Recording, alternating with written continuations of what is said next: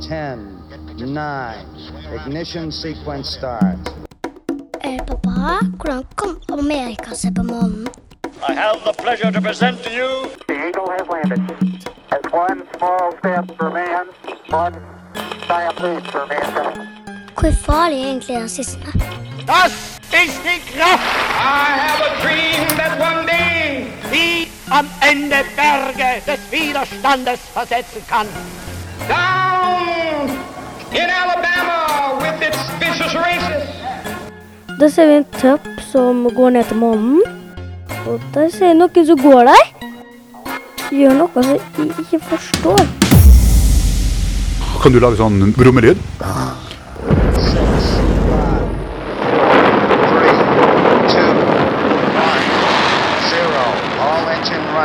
And we have liftoff. Two Norwegian heroes are on their way to the universe.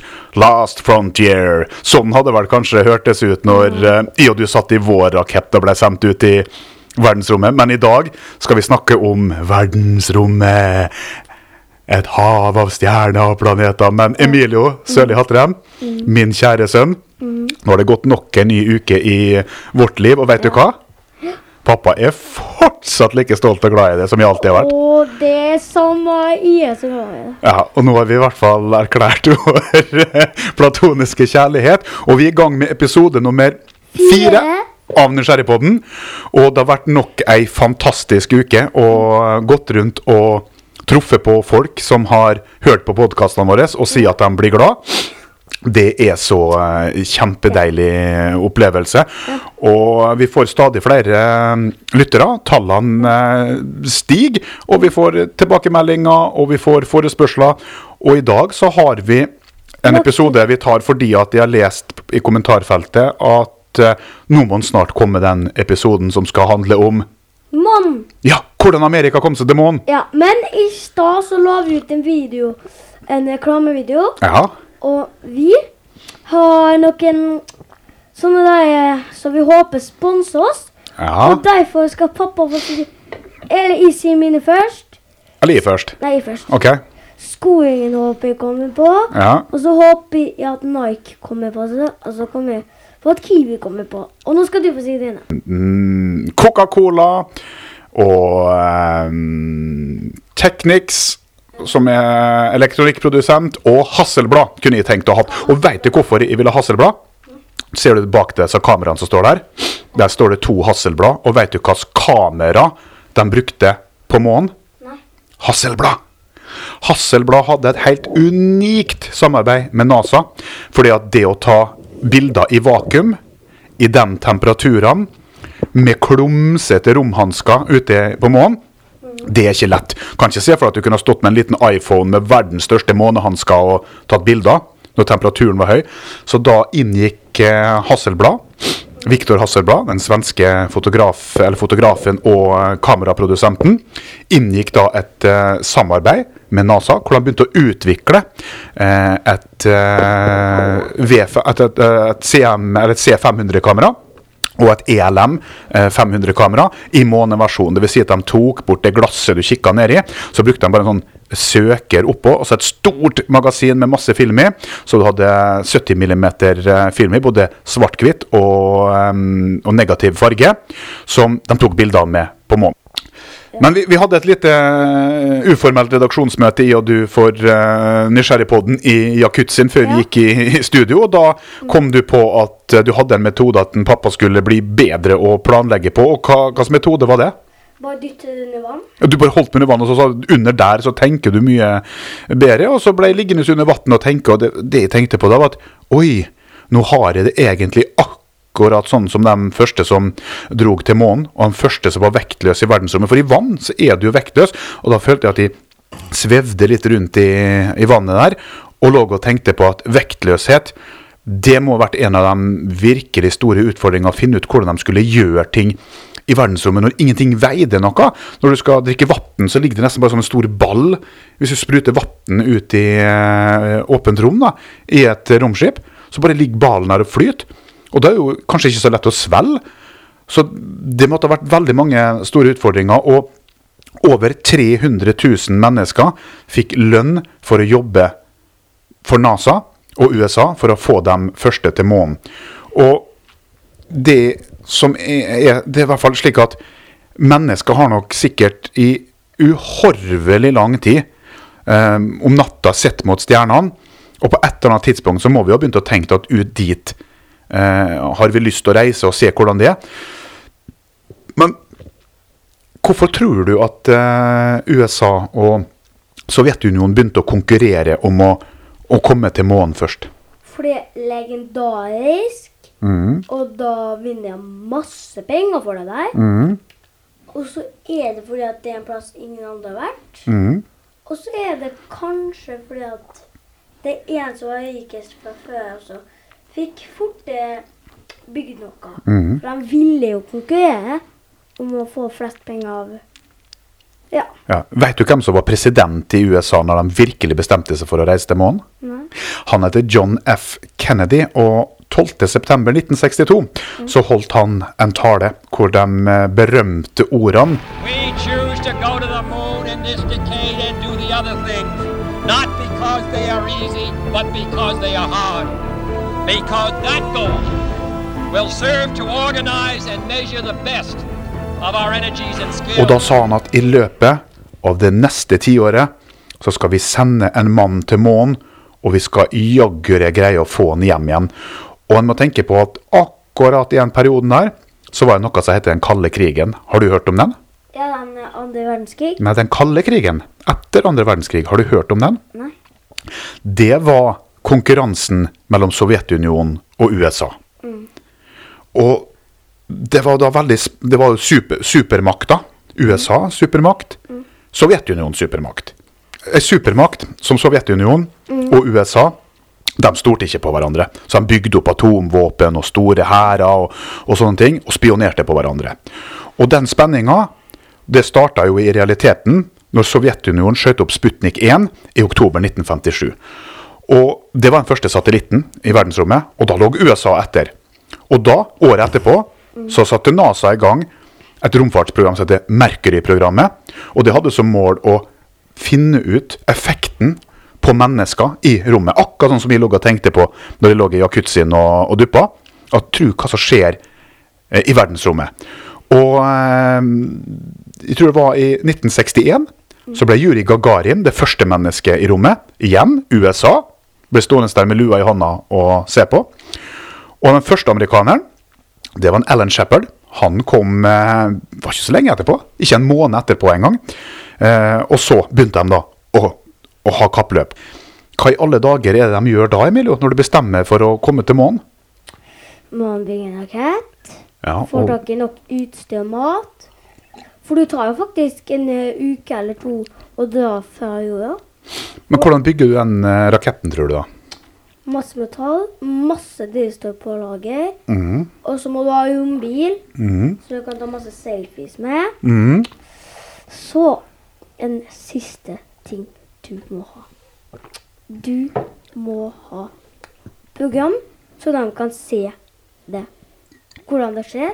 Så kan de sende opp hjelpemidler. Så kan hjelpe hvis du har hull i raketten.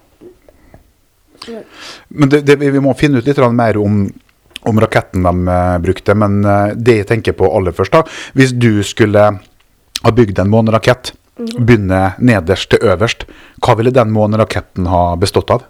Den ville bestått av metall, mm. treverk mm. og jern. Mm. Stål. mhm. Så sist, men ikke minst, gull. Hvorfor gull? For da Det er faktisk mange verdifulle gullbiter som må være med i en motor. OK. Og så ville den bestått av to ting til. Gummi. Så plastikk. Hva du skal bruke plastikken til? Ja? Det er vel at vi skulle bruke plastikken til å lage flagget. Skulle, skulle limes på. Jeg spikres på. OK. Jeg har funnet en video.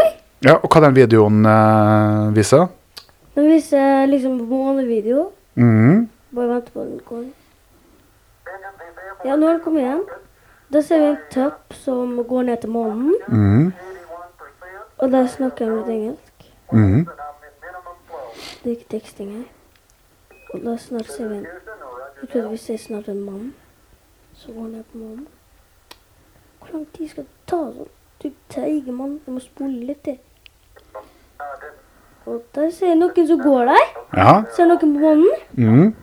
Og da ser vi at de gjør noe som jeg ikke forstår. At de ikke beveger seg og vises. Hva som ikke vises? Mannen. Kanskje den er ute av Å, der ser en liten sånn satellitt Ja. må- med en mann til. Ja. Og der ser vi Det kommer en til mann. En mann som begynner å gå. Hvor mange er han på månen nå? Jeg tror det er to nå, som jeg ser.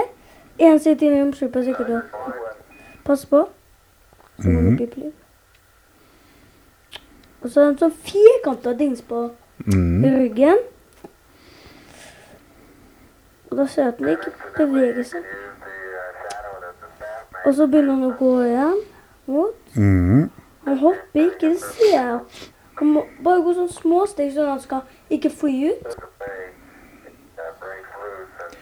Men det er jo veldig kjedelig for dem som eh, hører på, som sitter og, og, og hører på at vi hører på en video. Det vi i hvert fall kan fortelle om, Ja.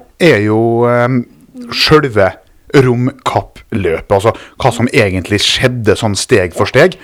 Og egentlig så kan vi se at det var ikke USA eller Sovjetunionen som på en måte starta med å sende raketter ut i verdensrommet. Ja. Hvem tror du var den første, den første nasjonen som begynte å sende raketter over 100 km av jordas overflate? Det tror jeg var Russland. Nei. Frankrike. Nei. Um, Bartsland. ja, faktisk. Det var Tyskland som, eh, som gjorde det. Det var V2-raketten, som var en militær eh, rakett. Det var i 1942. Da skjøt eh, Tyskland ut en eh, V2-rakett som, eh, som gikk 100 km ut, altså um, poff. Den kom nok ned igjen i småbiter.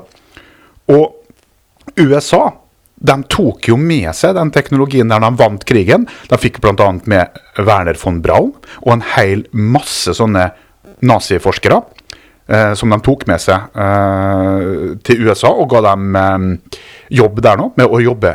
Så i 1946 da ble det sendt bananfluer ut i rommet, og det var USA, men da brukte de V2-raketten som de hadde tatt med seg som krigsbytte fra Tyskland. Og også i 1949 da sendte de en rhesusape ut i rommet, og det var òg med V2-raketten. Ape. Ei apekatt. Og så begynte dette der å bakke på seg. Eh, Sovjetunionen de skjøt ut en interkontinental ballistisk missil, missil i 1957. Og så sendte de ut en kunstig satellitt, Sputnik 1 i 57. Og så sendte de en hund i bane Ja. rundt jorda. Hva het den? Den hunden har jeg lært om, mm. men jeg husker ikke hva han heter. Begynner på L. Lena? Laika. Laika, ja. Og det var i 57. Og så, hvis vi hopper til eh, 1959, da var Luna 2 sendt opp av eh, eh, Sovjetunionen. Vi gikk i bane rundt månen. Så kom hver satellitt som USA sendte ut, en Vanguard 2 i 1959. Og det første bildet av jorda fra verdensrommet, Explorer 6 i 1959. Og det første mennesket i bane, det var Sovjetunionen med Vostok 1 i 61. Og så hadde de første mennesket som var utafor romskipet, i romvandring, 1965. Og så fikk vi romsonde til en annen planet. Boff, ut, altså ut i vårt eh, solsystem utover til en annen planet, i 1966. Og så var det første mennesket på månen Ja. i 1969. Og USA, der kom USA først. Der var de eh, flinkest. Og det, det å greie å bygge noe sånt sted der, da. Og det er liksom eh, Hvordan i alle dager har de fått til det der? Altså, hva har de gjort for å, for å bygge de rakettene som skal til? Om vi tenker på om bord på Om bord på Du eh, vet hvordan de greide å bygge det? Ja, få høre. Teknologien, Ja. veldig smart samarbeid. Er det um, et stort steg er et lite steg for et menneske der.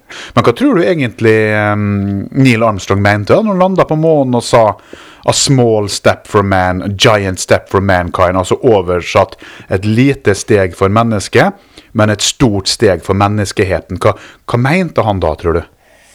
Um, at det er liksom et stort steg for mennesker i forskning, men et litt lite steg for ham, for at han egentlig ikke ville gjøre det, bare at ville bli huska. Ja, men det var jo veldig smarte ord. Jeg tror han har tenkt på å ta på forhånd. Hvis du hadde gått ned som den første mannen på månen, hvilke ord ville du ha valgt? Dette var faktisk veldig stort for meg, men jeg tror at det står for forskning, og jeg tok med meg noen bilder fra månen. Åh, det, det ser så spennende ut å være der. Hva du ville ha lett etter du da, og, og sett etter når du først var her? Jeg ville sett etter om det fantes månestøvsuger i brukes til drivstoff. Mhm. Se om det kunne få til meg promp. Promp? Ja. Hva Hva- tenk om månestøv det får til sånn mennesker promper meg. Ja. Det hadde vært mer gøy til videoer. Men nå har jeg funnet et bilde her på iPaden min Ja. med et USA-flagg. En mann som står på månen. Helt svart. Og at jeg ser måne, månejorda, så sier helt svart. For i verdensrommet, nå er det litt på verdensrommet tema, så det er helt svart, bortsett fra små stjerner. Men Hvorfor det? fordi at de Det er faktisk ingen andre farger i verden. Hvis vi mennesker har jo utvikla dem De legger til fargene på det vi ser. Egentlig så er det bare svart. Men det, det å sende en rakett fra jorda til månen når du aldri har gjort det før, så må du ha motorer, og så må du vite eh, hvor tung den er, og så må du gjøre masse beregninger. Og da tenker jeg det er sikkert kjempemange av disse folkene, det var matematikere ingeniører. Eh, hva, hva er tiervenn til, til fem? Tieren til fem er fem. Tiervenn til to? Tieren til to, det er åtte. Hvor mange tonn kan en romlander være? Kan du regne ut det? En sånn person. Mm, ja, hvor, hvor tung, hva er maksvekta på Apollo 11 kan være? Det kan være elleve tonn. Hvordan regner du frem til det? Eh, Tippa. Ja, Og det kan du ikke gjøre hvis du skal sende mennesker ut i verdensrommet. Så tenk deg da hvor flinke de måtte være i matematikk, de i Amerika som satt og regna med regnestaver. Altså sånne regnestaver og kulerammer. Og den tida der, datamaskiner om bord på Apollo 11 som landa på månen, den var mindre og svakere enn den datamaskinen som er i klokka du har på hånda nå. Tenk på det. Den telefonen her har mye mer datakraft, mye kraftigere og raskere enn datamaskinen om bord på Apollo 11. Og målet med Apollo 11, du sa 11 tonn, som du tippa. Du tippa ikke så fælt, så, for målet til NASA var å få den på bare ti tonn. At de, de regna på motorkraft og drivstoff. Så tenkte de at ti tonn, det må den månelanderen være. Men de endte på 14 når de har begynt å sette det sammen. Og da, vet du Oi, det er fire tonn for tungt. Og da måtte de begynne å få ned vekta. Og hva gjør du for å få ned vekta på en romrakett? Um, ta av litt utstyr. Ja, hva kan du ta av, da? Du kan ta av litt strøm. Ja, hva mer, da? En metall. Ja. To tonn, tre tonn metall og ett tonn støv. Vet du hva de gjorde? Nei. De gjorde akkurat det du sier. De tok bort f.eks. setene som de skulle sitte på. Og så spente de astronautene fast i noen seler, da. Sånn at de på en måte sto og var på en måte spent mot eh, veggen. Så tok de metall vekk med kjemi, kjemiske metoder. Så tok de bort litt av landingsunderstellet. Og så gjorde de luka mye mindre, så du slapp så mye vekt i luka. Og vinduene ble mindre. Og så tok de bort fjøringa der de landa, slik at det ble litt sånn det ble tøffere landing. da. Og så brukte de sammenkrølla aluminium der, da. Som de bare hadde krølla sammen istedenfor sånne store, tunge fjører. Og det, det ble jo veldig forsinka der, fordi at de måtte sitte og regne. Oi, han veier for mye. Vi har ikke nok drivstoff til å få den der opp igjen, og kraft nok mot det til å få den opp igjen fra måneoverflata. Den blir igjen på månen hvis den er så, så tung. Og så skjedde det jo en del ulykker eh, når de da testa nedtellingstesten eh, på den der eh, månelander- eller kommandoseksjonen der de skyter ut den, eh, på den Saturn-raketten. Der var det den brannen som eh, Grissom White og Chaffee døde. Og så var det selvfølgelig mye feil. Og du kan tenke deg, da. Og når du har gammel elektronikk, i forhold til vår alder nå, i 2019, for 50 år siden, masse ledninger og, og, og kretskort og sånne ting der nå. Og, og, så gikk, og så begynte det å pipe, og så kom det en kode. Og det var ikke noen datamaskin der det sto at det var Nå er det feil på drivstoffpumpe 4. Det kom kanskje et tall, og så måtte du begynne å bla i masse bøker og finne ut ah, det er feil på et relé. Og så måtte teknikere sjekke. Og sånt holdt de på å sjekke og sjekke. fordi at Ja, hvis, eh, hvis en viktig fjær ryker av, Ja. og de skynder seg ned i så tunge drakter Og liksom, da har du på en måte så mange mennesker som jobber med dette her, og har sin jobb. 20 000 amerikanske bedrifter var med. Og 200 universitet og høyskoler var kobla på dette her for å hjelpe til. For USA, de skulle til månen. Samme pokker, liksom. Men hvis du skal til månen med en rakett, du kan jo ikke bare ringe til Eh, jeg skal ringe til Shell og si du, jeg må ha bensin til en eh, Saturn-rakett, for jeg skal til månen. Det tror jeg ikke er så enkelt. Så hva, hva, hva, hva tror du de gjorde der, da? For å, for å komme seg av gårde? For å få, for å få start på motorene og drive den oppover? Lage bensin selv. Ja, men er du sikker på at de bruker bensin, da? Diesel. Ja, det var litt sånn Olje. Ja, jeg tror ikke helt de vil ha Vann. Ja. Du er vel ikke så helt ute å, å kjøre der, Emilio? For at du har jo to typer eh, drivstoff du kan ha. Det er fast drivstoff, og det er flytende drivstoff. Og du kan f.eks. blande forskjellige ting. For du kan lages, eh, det lages ja, rundt ti forskjellige typer kanskje raketter nå i dag, eh, som kan skytes ut i verdensrommet. Og nesten alle dem de bruker flytende drivstoff. Og igjen, de bruker følgende kombinasjoner av brensel og, og oksidasjonsmidler, som er Det er bensin og flytende oksygen. Det kan du bruke. Du kan bruke, bruke flytende hydrogen og flytende oksygen, og der sier du det med vann. For hydrogen det får du ut av å sette strøm på en måte på vann. Da kommer det bobler opp fra vannet, og det er hydrogen. Og så har du noe som heter hydrasin og nitrogententraoksid. Skal ikke vi gå så djupt inn på det der? Og hydrogen det må bli minus 253 grader for å bli flytende. Og det gjør hydrogenet vanskelig å håndtere og oppbevare, oppbevare i lang tid. Så liksom du må tanke raketten, da, og så må du på en måte blåse av gårde eh, så raskt som mulig.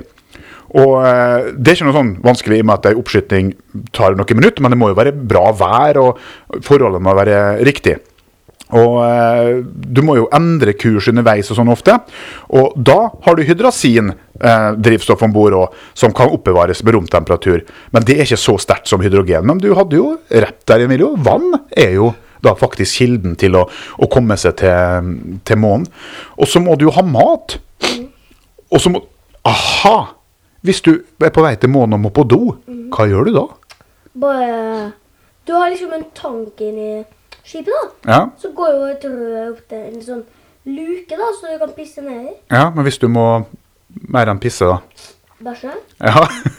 Så har du sånn smal luke, da. Så Ja. kan du bæsje ned i. og så bare ligge den der?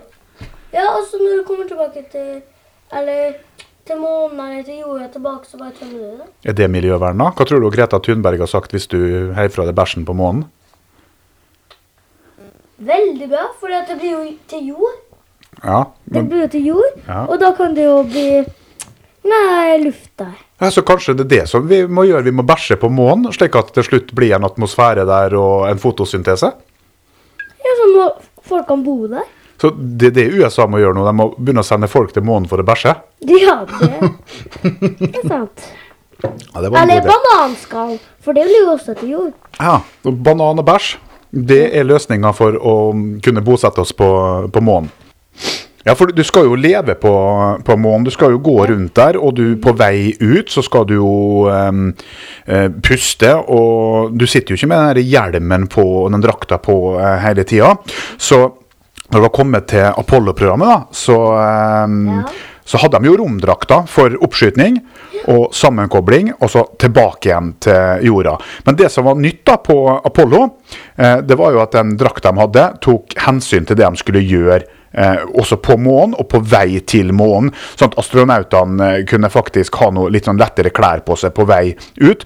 Og da hadde de jo fått trykksatt eh, raketten og utstyr som ja, rett og slett rensa lufta inne i raketten da, og tok ut det vi pusta ut, altså eh, karbondioksiden, og, og fikk tilbake igjen eh, eh, ganske ren oksygen.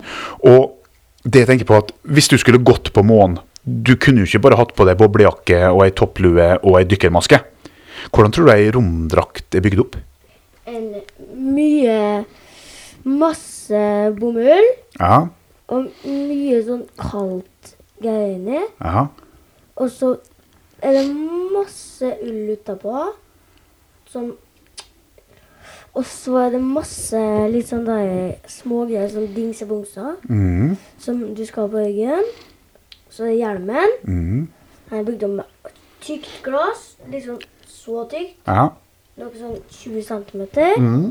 Og så må du ha hjelmen. Og der skal du ha god plass til hodet, mhm, så du kan ha tid til å puste inn og ut. ja, Sånn ikke Hvis det blir for mye pust inni her, ja, så blir det for mye luft inni her at det kan eksplodere. Okay. Så det er viktig at du har nok en litt sånn tømmetank mm -hmm. så du tømmer luft i. Hvis du må på do på månen da, Det sa jeg jo i stad. ja, men da var ei luke inne i raketten, men i romdrakta da, hva gjør du da?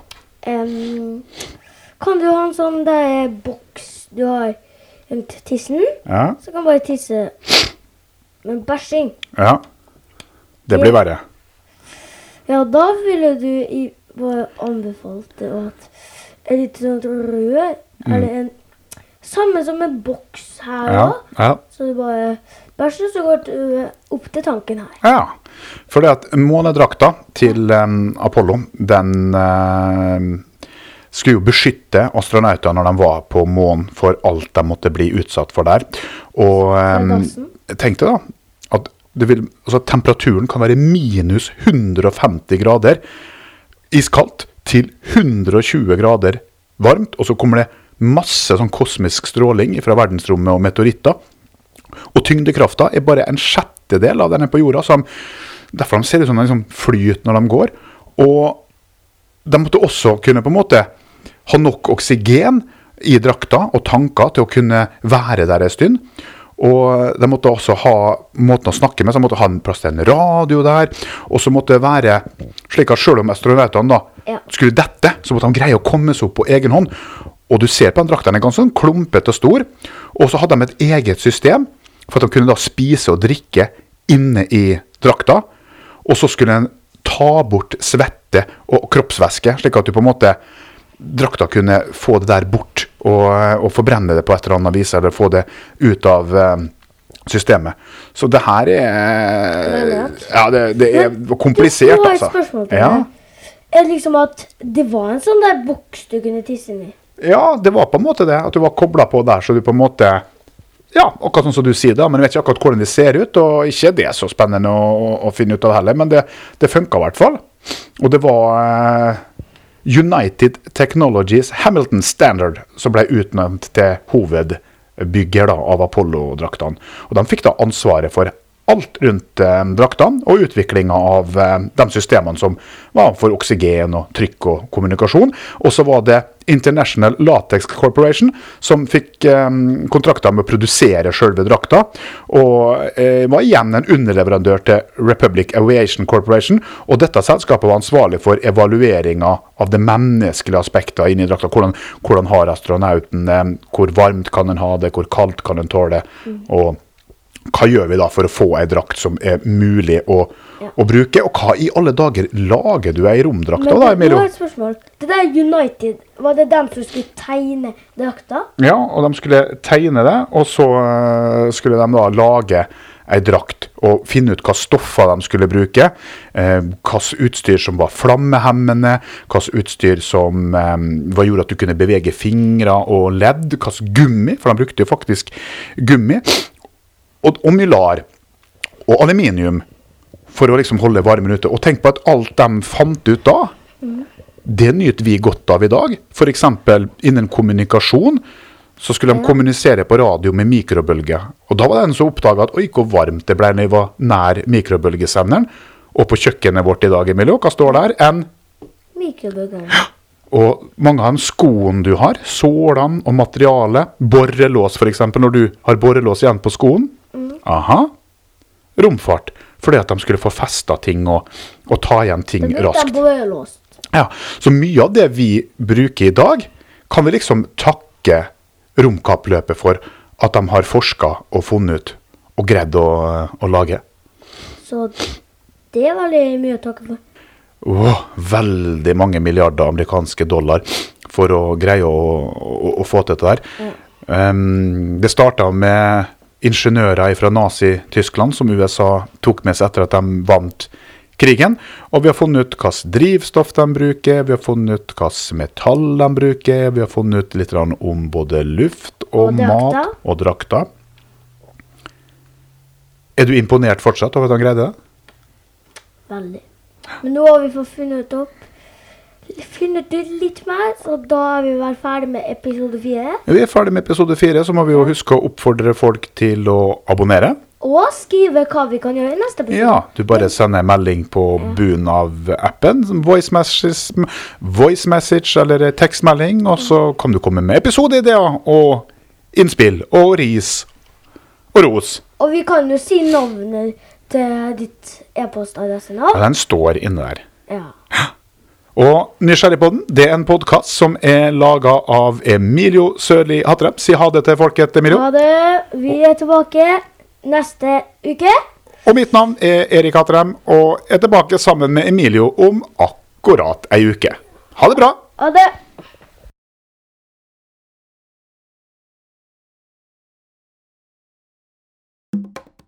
Eh, pappa, hvordan kom Amerika seg på månen? I have the pleasure to present to you The Eagle has landed. It's one small step for man, one giant leap for mankind. Hvor farlig er egentlig rasisme? I have a dream that one day Wie am Ende Berge des Widerstandes versetzen kann. Da